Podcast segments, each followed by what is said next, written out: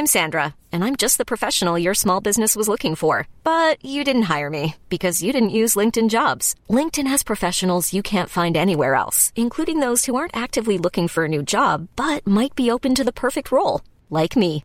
In a given month, over 70% of LinkedIn users don't visit other leading job sites. So if you're not looking on LinkedIn, you'll miss out on great candidates like Sandra. Start hiring professionals like a professional. Post your free job on linkedin.com/achieve slash achieve today. Hold up. What was that? Boring. No flavor. That was as bad as those leftovers you ate all week. Kiki Palmer here, and it's time to say hello to something fresh and guilt-free. Hello Fresh. Jazz up dinner with pecan-crusted chicken or garlic butter shrimp scampi. Now that's music to my mouth. Hello Fresh. Let's get this dinner party started. Discover all the delicious possibilities at hellofresh.com. Hey, it's Ryan Reynolds, and I'm here with Keith, co star of my upcoming film, If, only in theaters, May 17th. Do you want to tell people the big news? All right, I'll do it. Sign up now and you'll get unlimited for $15 a month and six months of Paramount Plus Essential Plan on us. Mintmobile.com slash switch. Upfront payment of $45 equivalent to $15 per month. Unlimited over 40 gigabytes per month. Face lower speeds. Videos at 480p. Active Mint customers by 531.24 get six months of Paramount Plus Essential Plan. Auto renews after six months. Offer ends May 31st, 2024. Separate Paramount Plus registration required. Terms and conditions apply if rated PG. Det ringde nynazister hem till oss och sa att de skulle döda mig. Och gick till min pappa och så sa jag det. Han sa att han skulle döda mig om inte vi lämnar landet. Men det här är ju mitt land. Jag är ju, vad ska vi åka? Jag puttar människor över kanten. Eller, eller jag puttar inte dem, jag, jag tar dem ända fram till kanten, sen måste de hoppa själva. Och så säger jag, jag finns där. Jag står där nere och jag tar emot. Jag har väl aldrig känt att jag har en press på mig att prestera i den meningen att jag måste ha ett snyggt jobb på pappret. Däremot har jag alltid känt vikten av att göra skillnad för andra människor. Jag får inte gå ur det här livet och inte förändrat livet för så många som möjligt i positiv riktning.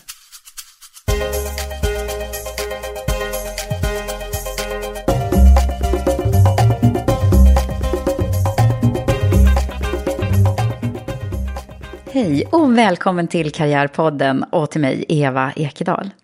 I det här avsnittet träffar jag ingen mindre än Alice Bah Kuhnke, Sveriges kultur och demokratiminister.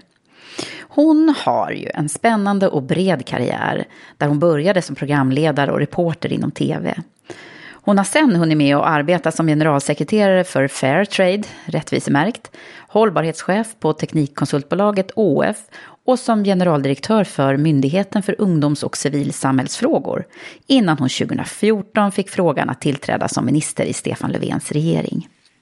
I vårt samtal, som är både spännande och givande, delar hon med sig av sin karriärresa, sina erfarenheter och vad som har drivit och driver henne genom såväl karriären som livet. Innan vi startar vill jag också berätta om vår nya samarbetspartner till Karriärpodden. Vi har nämligen nyligen inlett ett samarbete med Försvarsmakten. Det innebär bland annat att vi kommer att ha några gemensamma teman i Karriärpodden framöver. Det ska bli så spännande. Men nu så, nu till intervjun som spelas in på regeringskansliet i ministerns tjänsterum. Då kör vi!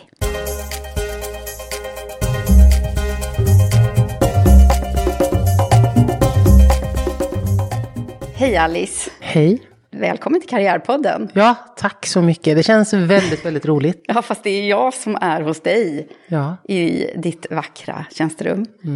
Det är faktiskt väldigt vackert det ja. här. Visst är det? Ja, jag är Va- imponerad. Och lugnande. Är det inte här väldigt harmoniska färger? Grått och Jo, rosa. och- absolut. Du, jag gör ju research som en, försöker vara en god poddare eh, innan. Och det höll på att uppta hela mitt liv när jag skulle börja läsa på om dig. För det finns otroligt mycket material om dig. Och du har varit med i så många poddar. Jag, jag har inte ens hunnit lyssna på alla. Och så, till slut så tänkte jag så här, nej men jag ska inte lyssna på allting. Nej, Utan nog- jag ska försöka vara här i nuet med dig och lyssna på vad du säger ordentligt istället. Men nu har ju du chansen så här. Vad ska vi göra för att den här intervjun ska inte bli som de andra? Oj. eh, nej men den kommer inte bli som de andra. Eftersom du och jag ju aldrig mötts tidigare. Nej. Och vi har aldrig samtalat. Så den, den risken är obefintlig. Att den blir exakt som de andra. Rätt där. Och det känns redan väldigt bra tycker jag. Eh, men du, eh, om jag skulle börja med att ändå så här, nu har det gått nästan tre år sedan va, som du tillträdde som minister. Ja, i, ja, eller två och ett halvt i alla fall. Mm. Ja, det är ju lång tid nu. Du, börjar, du är ju varm i kläderna nu. Hur känns det? Ja, det är i, i stort sett eh, varje dag eh, fantastiskt. Eh, enkelt uttryckt är det det bästa jobb jag någonsin har haft. Det är svårt, det är utmanande. Jag måste vara på topp och anstränga mig varje dag eh, och jag älskar det. Eh, jag går ju igång på just de förutsättningarna. Ehm, jag har aldrig haft ett så svårt uppdrag och heller aldrig något så stimulerande uppdrag. Nej, det är fantastiskt. Och du har ju väldigt gedigen, jag tänkte vi ska förstås försöka bena ut lite dina erfarenheter men, eh, från tidigare jobb. Men jag tänker det, har, det är ju väldigt mycket eh, annan bakgrund du har än politik. Och eh, kanske skiljer sig en hel del från andra ministrar. Ja, jag är ju en av de eh, få eh, eh, statsråd eh, på, i senare regeringar, inte bara i den här regeringen utan i, i flera föregående regeringar, så är vi ju inte så många som faktiskt har haft ledande positioner i andra delar av samhället. Nej. Vilket jag ser som en enorm styrka främst. Självklart finns det ju eh, erfarenheter och kunskaper som mina ministerkollegor har, även om de enbart har varit i politiken under hela sina liv och kanske aldrig arbetat någon annanstans i samhället. Men att ha varit ledare dels i det privata näringslivet, men också i det civila samhället, i det svenska föreningslivet och i offentlig sektor när jag var myndighetschef. Och nu får sitta i regering, det gör ju att jag eh, har eh, en eh, relativ god insyn i olika verkligheter som vi ju måste ta ansvar för i regeringen. Verkligen. Var det därför du fick jobbet? Eh, Delvis därför. Det, det, självklart är det ju en del av det som, som gjorde att eh, statsministern eh, valde mig. Ja, otroligt. Det där har du säkert berättat många gånger, men hur gick det till egentligen? När han ringde. Eh, jag var ju väl medveten om att förhandlingarna pågick mellan mitt parti, Miljöpartiet och Socialdemokraterna. Eh, och jag hade ju förstått av min partistyrelse och mina språkrör att det mycket väl kunde vara så att jag kunde vänta mig ett samtal. Eh, och så ringde Ja, han. ja, du var dag. lite förvarnad i alla fall. Ja, ja, ja, det var jag. Men man kan ju aldrig riktigt eh, förbereda sig på att en statsminister ringer och eh, ställer frågan om jag vill bli kultur och demokratiminister i hans eh, regering. Nej. Vad sa du då? Jag, jag, jag, jag skrek mer eller mindre ja. Nej, men jag sa det väldigt högt och tydligt. Ja, vad kul. Ja. Och om vi nu skulle backa klockan då, för det, även om du har berättat den här historien och jag som sagt var försökte förstå den eh, många gånger så är det ju det som formar våra liv så mycket, det vi har med oss från början och det som händer längs vägen. Eller hur? Vad, om du bara skulle så här, vad är det som har präglat dig allra mest tror du? Eh, jag ehm, tror, eller det är svårt att urskilja just den enskilda faktorn. Men eh, självklart så är jag påverkad av att eh, eh, ja, men födas i Malmö men växa upp eh, i, i Småland. Eh, i, I ett väldigt tryggt sammanhang i, i ett by, ett, en, ett litet samhälle där min släkt på min mammas sida kommer ifrån i flera hundra år eh, tillbaka, i flera generationer. Eh, min pappa är från Gambia. Eh, det präglade mig, eller det har präglat mig att jag var annorlunda från, från början. Jag har alltid stuckit ut, jag har alltid varit den andra. Den lilla svarta flickan som alla kände till. Jag var känd i, i en mening eh, av många Redan som, från början. från början, av många som jag inte kände. Ehm, och det har ju förstås påverkat mig att alltid vara en del av det som syns. Jag har haft andras blick på mig mm. sen jag var väldigt liten. Eh, minns du någonting? Tyck, tyckte du om det eller var det så att du... Eh, någon, jag minns någon... i alla fall inte som att det störde mig. Men däremot så vet jag att det fanns situationer när när det till exempel eh, stod eh, vuxna kvinnor bakom mig och, och högt och tydligt sa när jag satt och lekte med, med andra barn, vi var väl i 5-6 års åldern, och så sa de, men titta på Alice, hon leker ju precis som de andra barnen. Så det var hela tiden där att jag var något annorlunda som de då fick bekräftat att jag betedde mig precis som alla andra, mer eller mindre. Mm. Eh, och det kanske kan låta negativt och hårt, men jag vill samtidigt eh, ha det sagt att jag upplevde också att jag fick väldigt, väldigt mycket kärlek och uppskattning. Mm. Ibland eh, mer uppskattning än jag kanske var förtjänt av. Kan, ja, men, jo, men de tyckte också att allt jag gjorde var speciellt och särskilt. Ja. Och så är det det första barnet också. Ja, jag var det första barnet. Och detta var ju inte av min närmsta familj, utan detta var ju människor i, i byn. Eh, men det var som att allt jag gjorde syntes eller uppmärksammades, eh, även om och jag behandlades ofta som om jag var något alldeles, alldeles särskilt. Mm. Fastän jag är väldigt, väldigt vanlig och normal mm. på de flesta sätt. Vad säger de nu när du har fått den här rollen? Ja, eh, en vanlig reaktion är ju att många inte alls är förvånade. Mm. Utan de, de säger... De, de visste att de det skulle bli något ja, stort. Ja, sådär. Ja. ja, de är fina. Ja, vad roligt. Så du har ett gäng supporter där i ja, mång, ja, ja, väldigt många faktiskt. Det känns fint. Ja, vad roligt. Ja. Men du, det, det, låter ju som, du har ju pratat mycket om din barndom mm. och så. Eh, vad, vad, vad är det mer som har, så att säga, pappa Ja, ja, men självklart har det ju påverkat mig att min eh, far kommer från ett av världens fattigaste länder och att mm. han uppfostrade mig och mina småsyskon väldigt tufft. Vi fick inte gråta och gnälla över sånt som han inte ansåg vara eh, ja, berättigat. Eh, vilket jag idag som vuxen och förälder kan tycka är helt befängt. Man har ju ett barn kan ju vara ledset eller mm. sorgset även om man är född i världens bästa land. Mm. Men för min pappa som eh, hade upplevt eh, mycket fattigdom eh, och var engagerad i hur världen eh, såg ut eller ser ut och utvecklas, mm. så upplevde han det som oförskämt att vara född i världens bästa land och inte göra rätt för sig, att inte bli något, att inte kämpa för andra människor. Okej, okay, så det var där mycket liksom, etik och moral kom ifrån ja, då? Sådär, du är född i världens bästa land, mm. du har inget att skylla på, gör skillnad.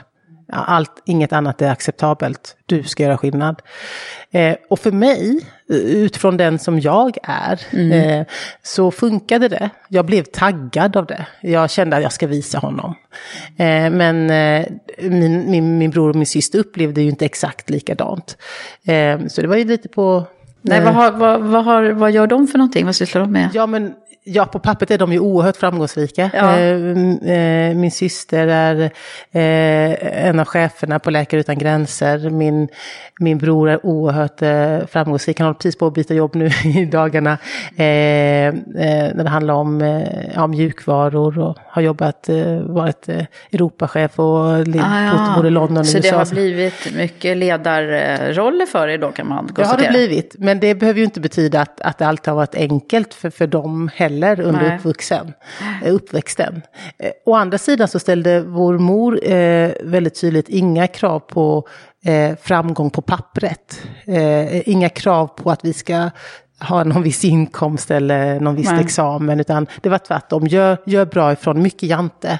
Eh, gör så att vi slipper skämmas för det, gör bra ifrån dig, betala din skatt, kör inte rattfull. Alltså väldigt sådär, sådär svenskt, det ja. mest grundläggande. Så att jag har väl aldrig känt att jag har en press på mig att prestera i, i, i den meningen att jag måste ha en, en, ett snyggt jobb på pappret. Däremot har jag alltid känt eh, vikten av att göra skillnad för andra människor. Mm. Jag får inte gå ur det här livet och inte förändrat livet för så många som möjligt i positiv riktning. När började du känna det? Ja, men väldigt, väldigt tidigt. Det kan jag se i mina dagboksanteckningar också Aha, från det att jag ja. var nio, tio. Okej, okay, vad står det där? Ja, men det står mycket om, om hur världen ser ut, vilka konflikter som pågick just då, att barn dör och att barn svälter och att jag måste göra skillnad. Mm, mm. Och så kunde det lika bra ha blivit en sprinterstjärna också har jag läst mig till.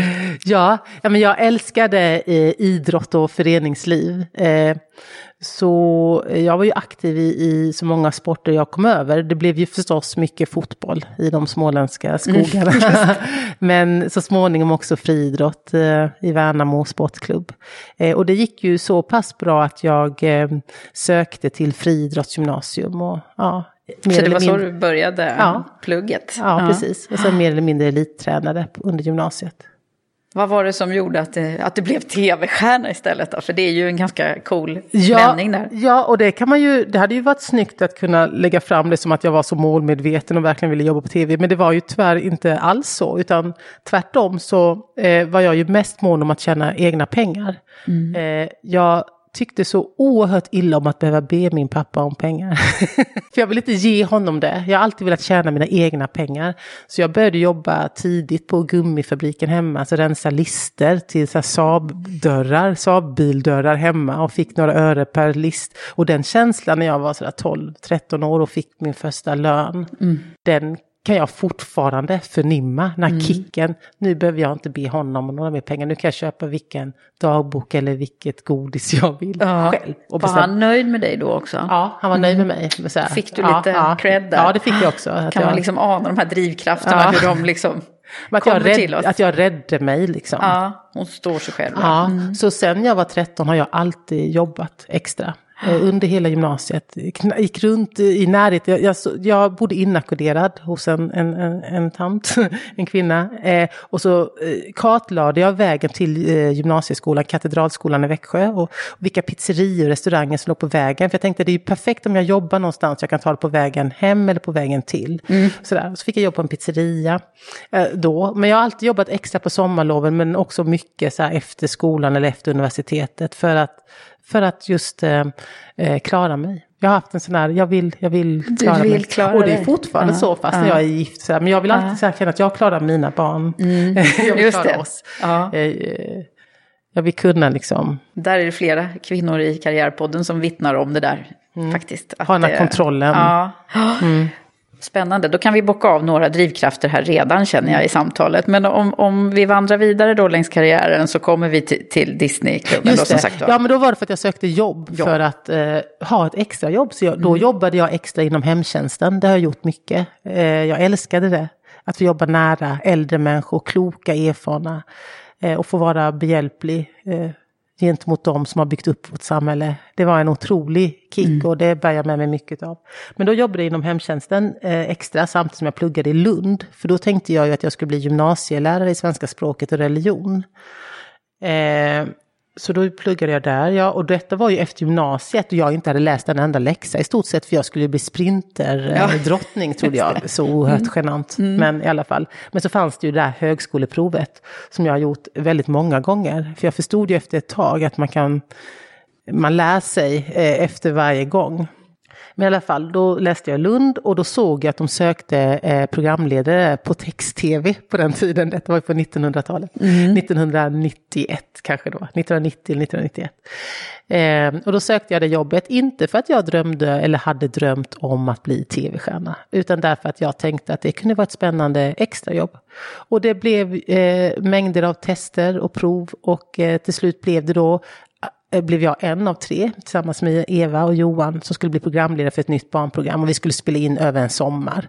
Så det var ju emellan. Så det var nästan lite, det var sommarjobb? Det var som ett sommarjobb. Men sen så bara fortsatte det och jag sökte då tillstånd från Lunds universitet att få uppehåll i studierna men ändå behålla min plats. Och sen så gick åren och det blev andra program och det blev Söndagsöppet och jag blev reporter och eh, till slut så bytte jag kanal och började jobba på TV4 eh, och fick ett eget program där. Och eh, då upptäckte jag ju att mina studiekamrater från Lund, de var ju färdiga lärare och präster och allt möjligt. Ja, eh, så då började jag ju plugga på Stockholms universitet igen. Eh, därför att då hade jag ju också, eller då levde jag i en, en känsla av att det här var ju egentligen inte vad jag ville fastän alla sa till mig. Var det då det var det här perfekta livet ja, som var... ditt sommarprogram som för övrigt är jätte jättebra som jag lyssnade på ja, nu igen. Vad roligt. Ja. Eh, det, det var det det beskrev där? Ja, att jag, alla sa till mig att jag hade uppnått allt. Ja. Jag borde varit eh, lyckligast i hela världen därför att jag hade ett eget program på tv. Mm. Jag tjänade jättemycket pengar, jag hade en våning på Birger i Stockholm och en snygg kille. och, och, och, och det blev jag då intutad, eller människor matade mig med den här beundran och eh, ja... Eh, Ja, Att du de- borde varit så Du lycklig. borde vara, var fantastiskt, du som har uppnått allt och så ung. Eh, men eh, varenda gång, eller allt mer när de framförde det här så kände jag ju att det var något fel på mig. Därför att jag var ju inte så pass lycklig, eller jag kände mig inte så pass framgångsrik och eh, lyckad som jag borde göra. Nej. Och det var då jag började ifrågasätta vad jag egentligen gör och gör jag egentligen det som jag vill? Mm. Vad klokt, hur gammal var du då, då ungefär? Ja, men jag, jag, tyvärr så var jag ju inte 16 eller 18, jag var Nej. ju sannolikt eh, 25. Jaha. Det är aldrig för sent att börja. För du hörde min story där jag började Ja. tänka Ja. efter Nej, men, ja, så jag var ju, jag var ju vuxen. Eh, men då eh, eh, förstod jag ju också att jag eh, behöver eh, hitta andra eh, vägar för att, för att kunna göra och arbeta och leva det liv jag vill. Så då började jag också plugga heltid på Stockholms universitet parallellt när jag jobbade på TV4. Just det. Och därefter blev det ju en examen i statsvetenskap. Eh, Hade då- du bestämt liksom vad, vad riktningen skulle bli då? Och Var det tankar om en politisk karriär redan då eller? Ja, eller jag visste ju att jag ville arbeta med politiska sociala frågor. Att det var det jag brann för. Och jag fick ju erbjudande av mina chefer på TV4 att det kan du göra här. Och jag blev reporter på Kalla fakta. Men, men eh, ja, jag ville ju annat. Annat ja. Ja, och det blev det ju verkligen då. Ja, ja verkligen. Ja, med hållbarhetsfrågor också. Ja, Eh, allt ifrån att jag blev... Jag var ju parallellt också med detta eh, aktiv i föreningsliv och aktiv i Rättvis handelsrörelsen. Just det. Ehm, och så småningom blev jag ju generalsekreterare för Fair Trade i Sverige, som ju är en internationell organisation. Vilket gjorde att jag kom ut i världen och fick på olika sätt arbeta med många av dem som odlar allt mer av det vi äter och som lever i, i fattigdom.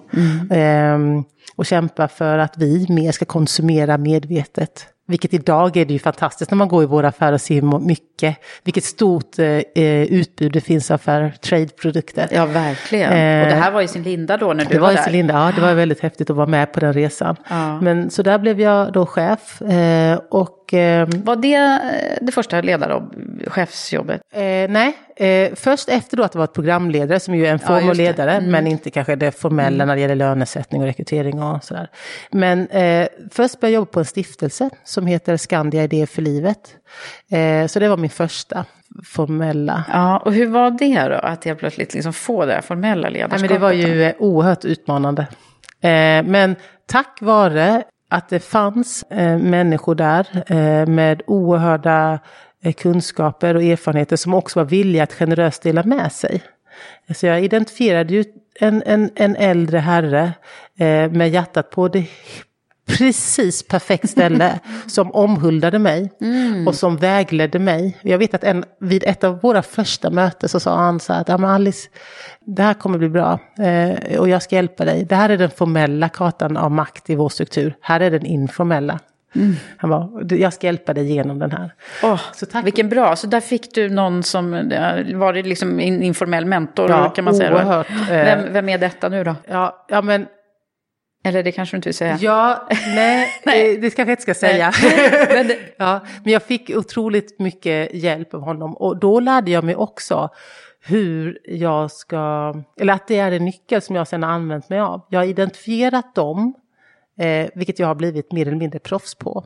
Att se dem i rum eller i sammanhang jag är i, de som jag förstår är nycklarna till att jag ska kunna göra mer skillnad.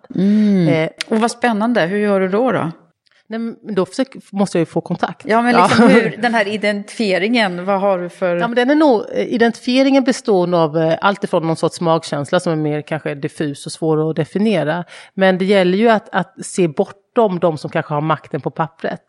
Eh, Det är ju inte alltid de, det är inte alltid den tuppen högst upp i hierarkin som faktiskt är den som bestämmer. Nej. Eller det kan till och med vara så att tuppen högst upp i hierarkin sitter på väldigt lösa boliner och det är helt andra spelare bakom kulisserna som egentligen det, styr. det är det vi kallar för det politiska spelet även i, i näringslivet. Precis, så det är de man måste identifiera och de kan komma i olika skepnader.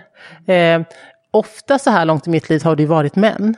Ehm, Ja, tyvärr, är är det ofta, ja, men tyvärr är det oft, fortsatt ofta så. Men det finns ju kvinnor där också och det blir ju allt fler kvinnor också som håller i trådarna. Ja.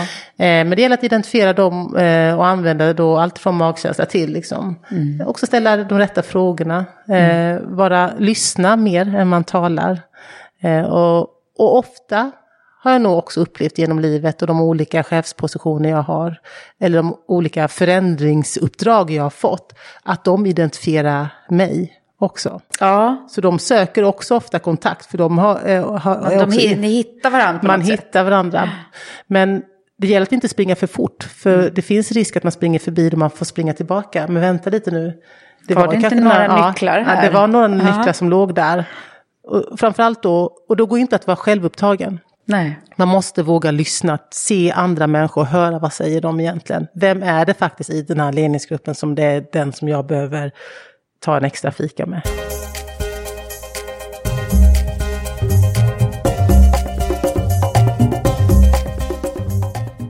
Du, hade du det här liksom bara naturligt eller tror du att du har utvecklat Det nej, jag, jag utvecklade mycket där på Idé för livet. För att jag förstod när han visade mig hela den här kartan och han började öppna dörrar för mig som jag aldrig hade eh, ens funnit längs vägen själv. Så förstod jag att Så oj, han hjälpte dig lite på vägen med det här tänket liksom? ja, mycket. Vad coolt. Mm. Och det som jag också, men det som jag var öppen för det var ju att hjälpen fanns i form av en äldre man. Jag träffar ibland unga kvinnor som är så här, nej men de där gubbarna. Och då säger jag alltid till dem, avfärda inte dem med liksom en rak Nej. höger. Det finns mycket goda krafter där också som vi måste samverka med. De som Absolut. faktiskt vill se oss. Som, Det finns många kloka. Mm, Många, många, många. Gubbar också. Ja, ja, ja. Och jag har fortfarande ett sånt litet entourage Mm. av mer eller mindre offentliga äldre män som, som eh, hjälper mig och omhuldar mig. Och som jag kan ställa frågor till och be om råd. Det finns, de, en del är kvinnor också, men Vi pratar rätt mycket om det här med sponsorer. Eh, alltså, och det här låter ju som det är en form av spons, sponsor Mm. som du har haft. Som, som har liksom banat lite vägen eller lyft eller ja, indirekt coachat kan man ju säga Ja, då. ja.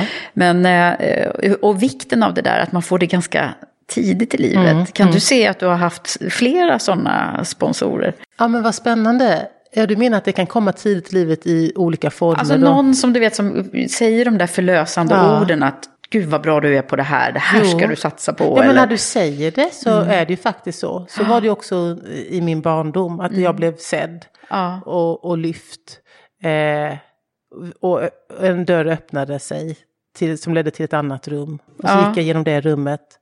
Och så, ja, jo, men så är det nog. Men så ju, absolut, så är det. Men det har ju också gjort det har, det, det har ju också odlat min förmåga och vilja till att leta efter dem. in Precis, det dem. gäller ju att, Har- att liksom fånga upp dem när de kommer. Det, Ja. det tycker jag du sa väldigt bra där. För att det är lätt att liksom bara, att, att en, till exempel en komplimang kan gå lite rätt igenom en Mm. utan att man eh, också tar in det. Men eh, det låter ju som att du har ju Imagine the softest sheets you've ever felt. Now imagine them getting even softer over time. That's what you'll feel with Bowl and Branch's organic cotton sheets. In a recent customer survey, 96% replied that Bowl and Branch sheets get softer with every wash. Start getting your best night's sleep in these sheets that get softer and softer for years to come. Try their sheets with a 30-night guarantee. Plus, get 15% off your first order at bowlandbranch.com. Code BUTTERY. Exclusions apply. See site for details. Ryan Reynolds here from Mint Mobile. With the price of just about everything going up during inflation, we thought we'd bring our prices down.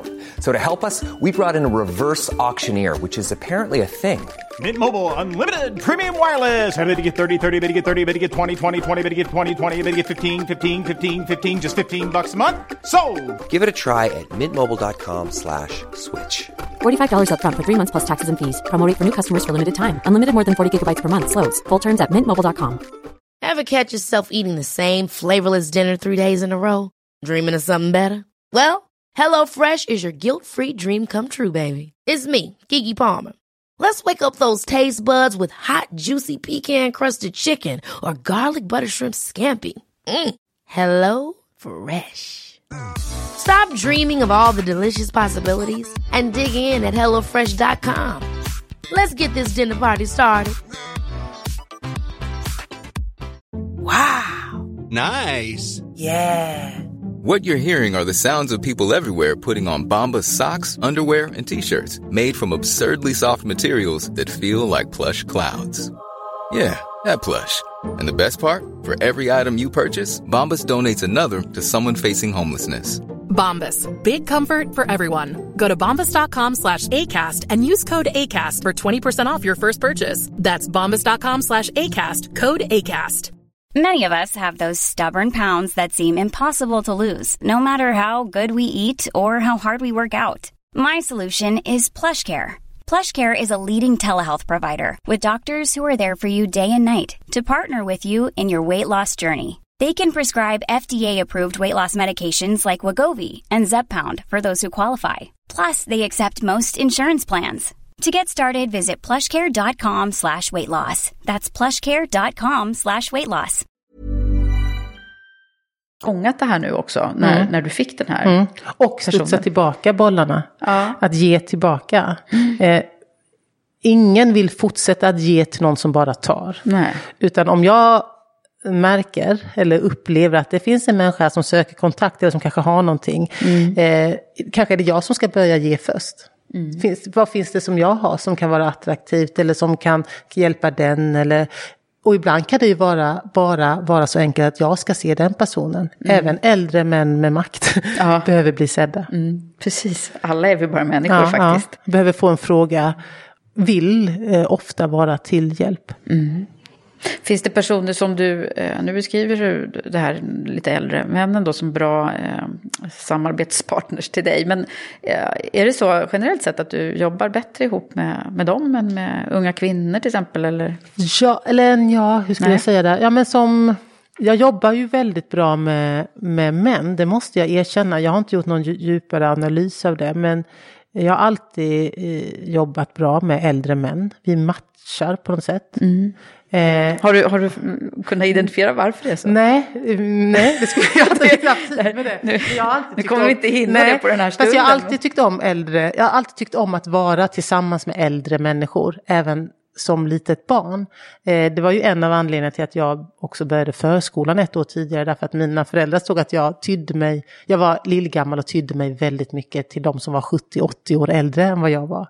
Och jag föredrar ju fortfarande om jag måste välja, så, så om jag kommer till ett kalas eller så, så, Ja. så hamnar jag ju ofta i soffan med 70, 80, 90-åringarna. Jaha, vad ja, men de har ju erfarenheter och kunskap och perspektiv, de är ju Mm. coolare än många andra, de som har levt.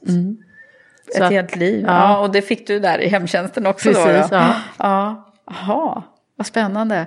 Men du, eh, du har ju också en, en, eh, de här åren på ÅF då. För det vart ganska, hur många år blev det?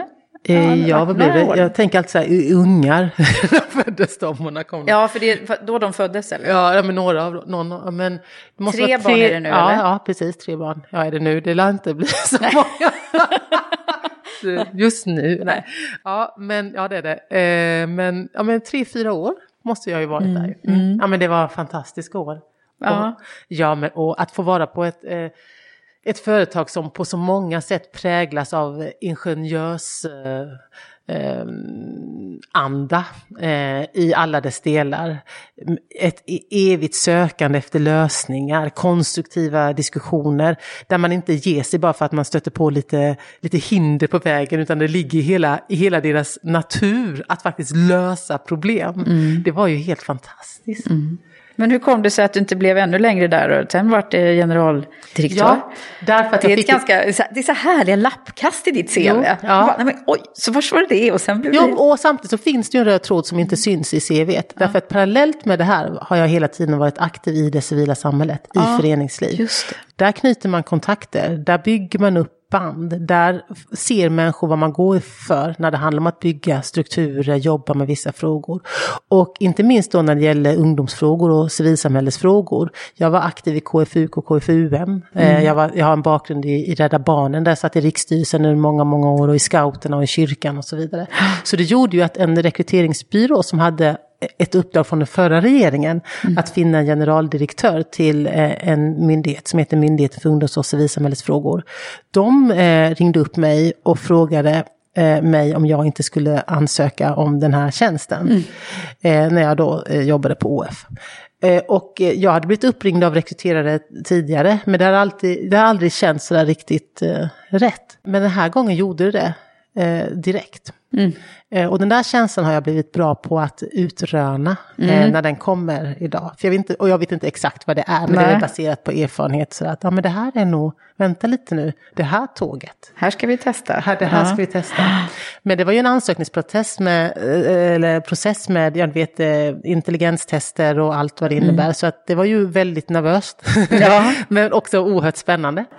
och till slut så ringde rekryteringsbyrån och sa att du kommer vara den som vi rekommenderar till eh, Maria Arnholm och till eh, mm. Fredrik Reinfeldts regering. Att, eh, då, att de ska eh, då erbjuda det här mm. uppdraget som generaldirektör en myndighet. Eh, och det var, ja. Och då, var, då var det inte så svårt att välja då kanske? Det var inte mm. svårt att välja, Nej. för jag har ju gått igenom hela processen. Och då visste jag också att om jag nu får jobba här i några år, då kommer jag ha liksom unika erfarenheter. Mm. Då har jag också lett en statlig myndighet som får uppdrag från en regering. Ja. Men tyvärr blev det ju inte så många år. Det blev, eller tyvärr. Nej, för sen, för sen ringde nästa samtal då ja. ringde statsministern. ja. Men eh, den erfarenheten har jag, eh, det blev liksom i alla fall mer än ett år. Ja. Det var, ja. Men då förstår man ju ditt intresse för samhällsfrågor och, och så tidigt. Men det politiska intresset, mm. eh, sådär partipolitiskt, ja. när kom det? det har ju funnits där under de senaste 20, alltså under väldigt lång tid.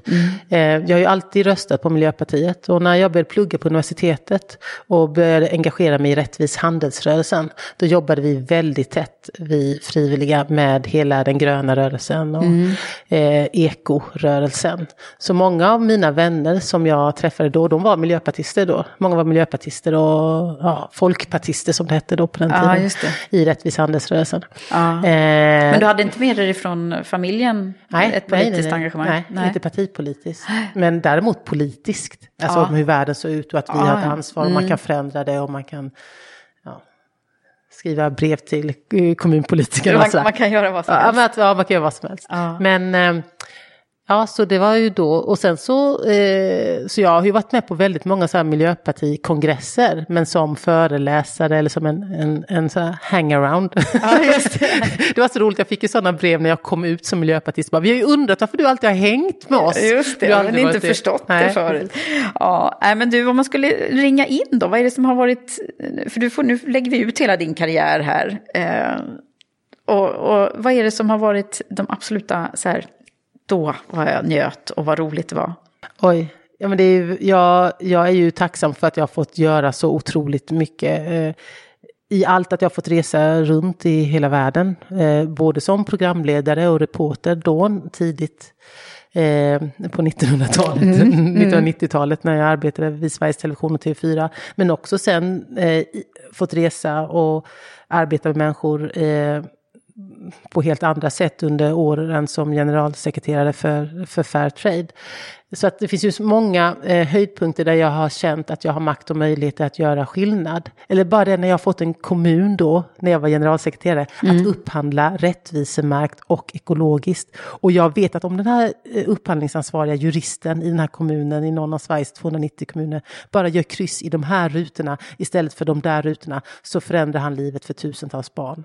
Och när han sen då gör det där krysset, den, ja, den kicken, och veta att vänta, det är bland annat tack vare mig och att jag har organiserat arbete med frivilliga. Vi har skickat rätt flygblad, vi har gjort det där, vi har stått i tunnelbanan och frågat människor om vi smakar på rättvisemärkta bananer. Alltså mm. den där, så jag har ju många sådana. Det där att påverka ja, liksom. Att göra, mm. ja, att, att, att bestämma sig för någonting, det här ska vi förändra.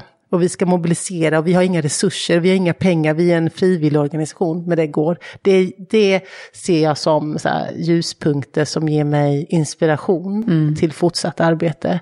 För jag vet ju att det går. Idag finns det massa fair trade-produkter i våra butiker. Det fanns inte alls så många, det fanns kanske kaffe på sin höjd i någon butik. Nu kan man inte köpa bananer utan att... Nej, men det är så jag har varit med, jag är en del i den förändringen tillsammans med många andra. Så du ler lite varje gång förbi jag grönsaks... blir, jag blir lycklig varje gång. Ja, ja, ja. Men, så det är förstås Ska jag tänka på dig också när jag Ja. köper bananer rättvisa märkta. Men du, eh, om man nu skulle eh, också titta på dem. eh, Vi har ju alltid sidor som har präglat också de vi, när, eller stunder menar jag, som när det har varit tungt och Mm. jobbigt också i yrkeslivet och privat. Vad har du för sådana? Eh, sannolikt lika många. Jag är ju lagd åt det hållet att jag inte ser dem. Jag går ju igenom dem och förbi dem. Så jag får ju ofta bli påmind av vänner, eh, nära vänner som jag delar då allt med om hur det faktiskt var. För att jag... Eh, ehm, och det är inte det att jag skyr dem utan mer att jag, jag, eh, jag studsar upp från dem relativt snabbt. Eh, ett tragikomiskt exempel är ju när min vän skulle påminna mig om en, en tidigare pojkvän jag har haft. Och jag sa till henne, nej men vi var ju knappt tillsammans. Och hon tittar på mig som att jag är, är sjuk. Och säger hon, men ni var ju tillsammans väldigt länge, under flera år. Kommer du inte ihåg att du ringde till mig och kräktes i telefon när han gjorde slut? Alltså, och, till och, med, och då har jag till och med, och då kan man ju uppleva det som att jag är helt förträngd. Men för mig blir det så här, ja men så farligt var det inte. Hon fick, och så sa hon, jo det var så, farligt, var det. Du mådde väldigt, väldigt dåligt Alice. Eh, men så självklart har jag ju, eh, alltså jag har ju, så här är det, jag har gått på många nitar och gjort eh, många eh, bakslag. Eh, Ehm, eh, som ledare eh, kan man inte förvänta sig något annat. Det finns saker som jag verkligen har kämpat för, en förändring jag har genomgått. Eller jag har suttit och förhandlat med facket för stora omorganiseringar. ja, men du vet, alltså, och, och ibland har jag, det inte gått min väg. Eh, så det finns ju många sådana. Skillnaden eh, eller det som ändå präglar mig och mitt sätt att se på min uppgift och mitt ledarskap är att jag, jag kämpar ju förstås för att det inte ska bli så. Det ska gå bra, men så går det inte bra. Men jag fastnar inte där. Jag träffar ju andra ledare som har fastnat i det som inte lyckades. Så då får man ju bestämma sig. Antingen får du lägga ner nu, för man blir ingen bra ledare om man fortfarande om man bär med sig all, allt som man har misslyckats med. Vi misslyckas, det hör till. Men vi lär oss och vi går vidare. Och, och försöker använda lärdomarna till att göra bättre nästa gång.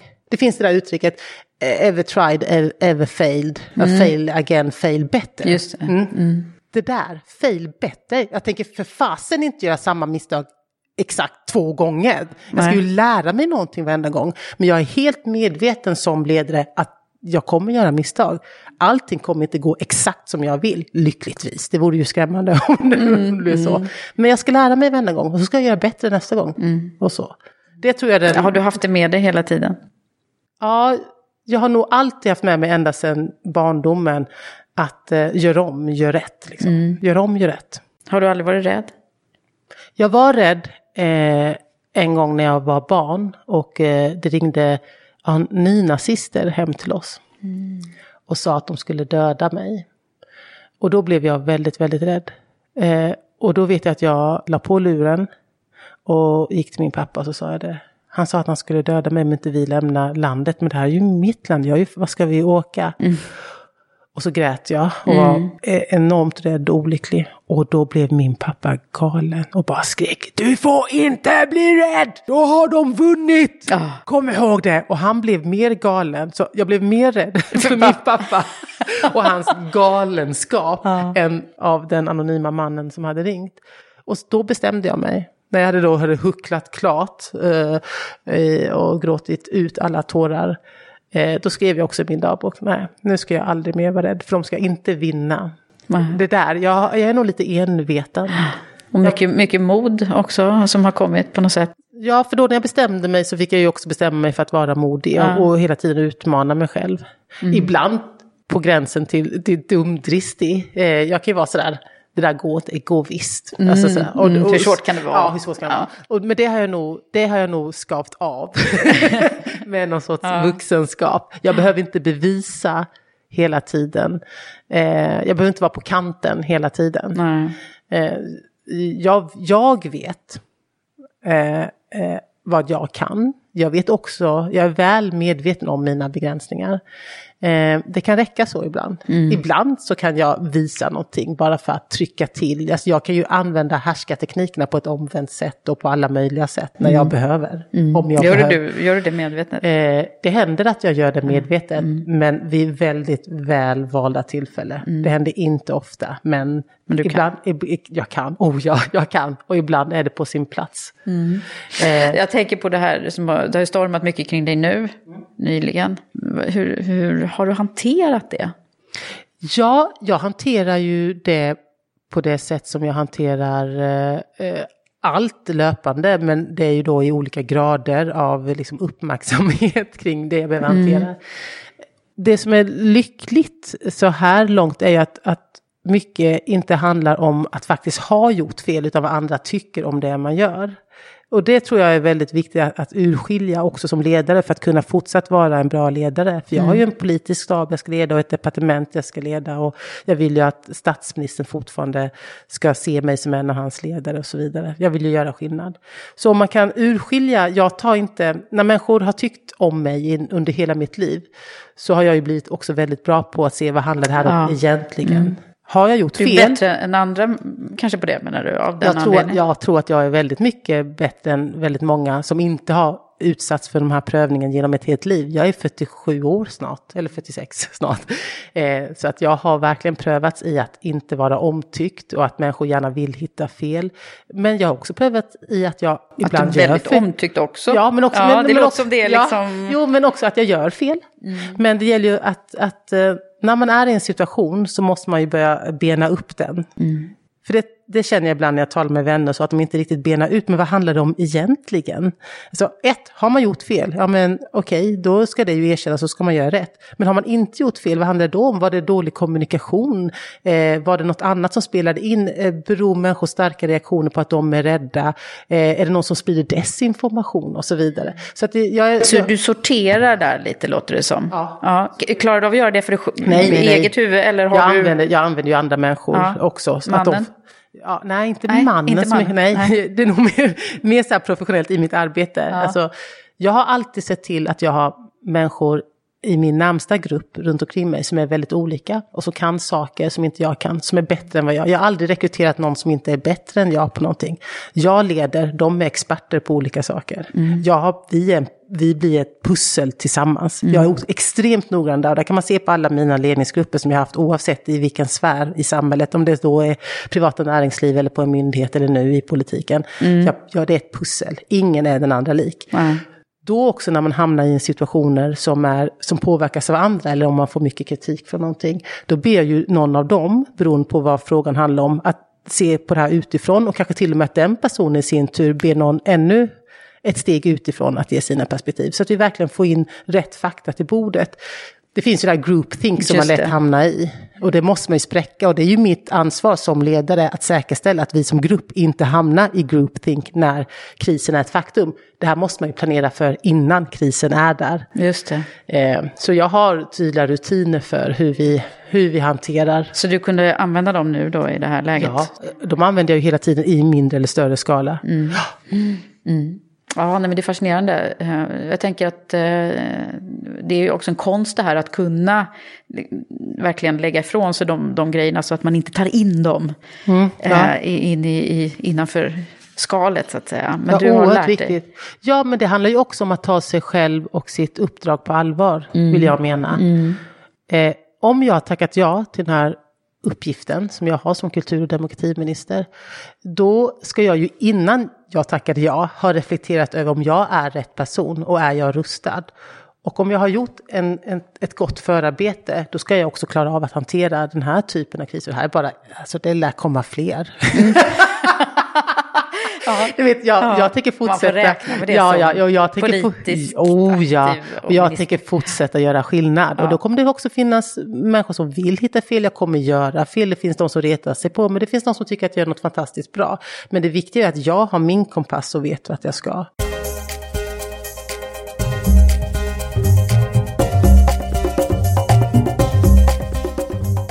Och nu kommer vi faktiskt in på det som handlar om, om ledarskap och så. Därför att jag har ju en ny samarbetspartner och det är eh, numera Försvarsmakten. Ja, vad spännande. Det känns ju jätteroligt att få, du är en av de första som kommer att få en fråga nämligen, som är en fråga som de har skickat med, som jag kommer att ställa till alla mina gäster. Oj, vad spännande. Och den eh, frågan lyder så här, du har ju inte fått förbereda Nej, dig, jag, inte, jag, jag, kommer jag på en tänkte så, gång. jag sitter ganska nära Peter Hultqvist Ja. runt eh, statsministerns bord. Jag tänker nu kommer så här en kuggfråga om bandvagnar. Ja, nej, det gör det inte. Utan det här tror jag du kommer att känna igen. För frågan är så här nämligen. Hur skapar du som ledare tillit i din organisation? Åh, bra fråga. Mm, eller hur? Mm. För det, det är också en, en fråga som jag har tänkt mycket på genom Mm. livet. Eh, och jag har också identifierat tillit som kanske den viktigaste eh, faktorn i ett ledarskap. Att mina medarbetare känner att jag har tillit till dem som jag har valt, förhoppningsvis, eller de som jag leder, eh, är ju helt centralt för att de ska kunna göra ett gott arbete. Och det är ju summan av våra enskilda insatser som blir resultatet av det vi ska utföra. Så därför så är mitt svar på den frågan att jag gör det genom att, att visa dem tillit, att jobba med min egen tillit till dem och till uppgiften. Och hur gör man det då? Hur Ja. tränar man tillit? Precis. Det är något som jag också har diskuterat mycket, bland annat med KG Hammar en gång, eh, den eh, före detta ärkebiskopen, eh, hur man bygger tillit. Och då frågade jag honom det efter en diskussion, men hur gör man det här då? Hur bygger man tillit? Och då tittade han på mig, KG sa han, genom att utsätta sig för det man är rädd för. Han var det enda sättet, genom att göra, göra, göra. Pröva, pröva, pröva. Du måste utsätta dig, så bygger man tillit. Så du utsätter din organisation här nu för Jag utsätter, prövningar? Ja. ja. Eh, jag, eh, alltså jag eh, puttar människor över kanten. Eller, eller jag puttar inte dem, jag, jag tar dem ända fram till kanten, sen måste de hoppa själva. Och så säger jag, jag finns där. Jag står där nere och jag tar emot. Om det här inte går vägen, då är det jag som tar ansvar för det. Eh, det är min roll som ledare. Eh, och då har jag tillit till, när de, då, när de står precis vid kanten och ska ta det till, att de kommer flyga. Och det genom eh, syrar mig och mina ord och jag utstrålar det. Eh, och det ger dem tillit till att jag faktiskt finns där och tar emot. Men skulle jag då, om en av, av mina nära då faller och jag inte finns där att ta emot, utan skyller på medarbetaren eller inte tar på mig det fulla ansvaret, då har jag ju raserat tilliten för kanske evigt. Så därför, eh, ja det här med tillit är helt centralt i ett ledarskap och för att lyckas som organisation. Ja, verkligen. Det är en väldigt bra fråga. Och vi kommer att förmodligen göra något tema kring det här sen. Så det, det, vi kommer ta med ditt svar här nu. Ja, och i Försvarsmakten måste det ju vara också bärande. Ja, ja, men eller hur. Och det genomsyrar ju egentligen alla grupper. Man, Mm. alltså, du som också kan relatera till alltså, föreningsliv, Ja, eller ja, allting. allt. Man, familjen, Ja. är det en grupp? Ja. Eller? Jo, men det är det ju. Och Där måste tilliten man också bygga tillit. oerhört mycket. Ja. Och om vi också skulle summera dina bästa råd och tips nu då, för nu har ju du redan hunnit göra en massa saker i, i din karriär. Men om du tänker på att du står där igen och är 20 år, vad, vad hade du velat veta då, som du vet nu? Ja, men det var ju bra formulerat. Eh, vad hade jag velat veta då? Jo, men då hade jag eh, velat... Eh, jag hade velat att någon med tydlighet tog tag i mig och mina axlar och sa eh, bygg ditt ledarskap på den du är. Har, försök inte harma. Eh, det finns så många kopior, eller hur? Så man blir ju helt matt. Man tänker ibland sen när man träffar ledare i olika sfärer av samhället. Tänk om man bara fick liksom torka av det där sminket och ta på ja, den här lite. kavajen som kanske inte egentligen är den bekväma. Utan våga utgå från den du är. Eh, Så det önskar jag att någon har sagt till mig tidigt, tidigt. Men du har ju kommit på det. Men... Jo, vi har kommit på, men det är en sån sån där Ja. sak. Som jag, Bra alltså, grej mm, att, mm. få med sig. Ja, ledarskapet behöver inte vara en copy-paste på någon annans framgångsrika ledarskap. För det förhoppningsvis byggde på den personen, men du är ju en annan. Mm. Och sen då, bygg utifrån dina styrkor. Och vi kompetensutveckla dig, våga utmana dig själv. Och det som du känner inte är en av dina starka sidor, hitta någon annan som är jättebra på det. Så kan ni ha delat ledarskap kanske, Mm. eller en tredje. Alltså sprid det, försök inte, slå inte knut på dig själv för att vara någon eller göra något som du kanske inte ens är eller inte ens tycker är, spännande och roligt. Nej. Så det hade jag, bottna i den du är.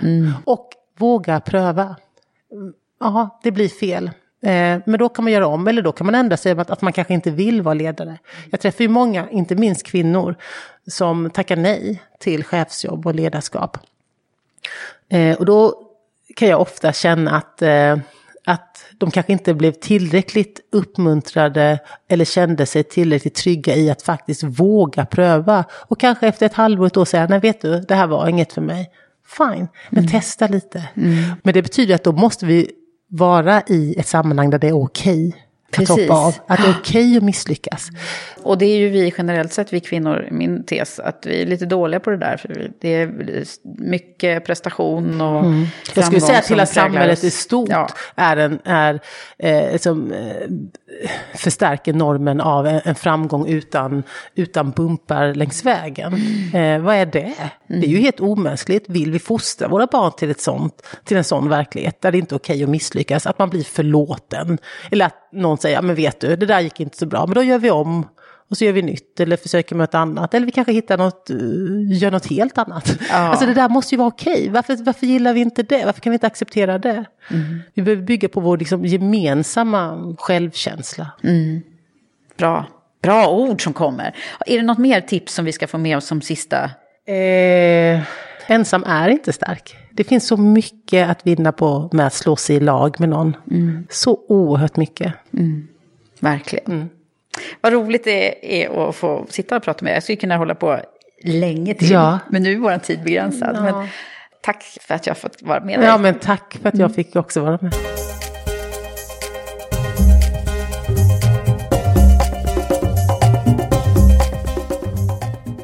Så här i efterhand tänker jag att vilket härligt samtal det var. Jag känner att hon är väldigt stark i sin retorik och väldigt behaglig och öppen att prata med. Det kändes också som vi fick god kontakt väldigt snabbt.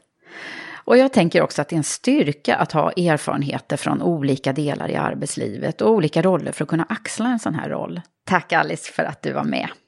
Nu till en ny sektion i Karriärpodden som vi kallar för Nytt jobb. Nu tipsar vi om att det finns en spännande roll för dig som är öppen för en ny karriär. Vill du vara med och förändra en framtidsbransch i ett internationellt och börsnoterat techbolag? Catena Media söker en dynamisk ledare i rollen som Director of Corporate Development. Läs mer om tjänsten på Catena Medias hemsida, catenamedia.com. Och till sist, du har väl inte missat att vi nu har lanserat och ansökan är öppen till Women for Leaders Premium Leadership Program. Läs mer om det på womenforleaders.com. Ha det nu så bra så länge så hörs vi snart igen. Hej hej!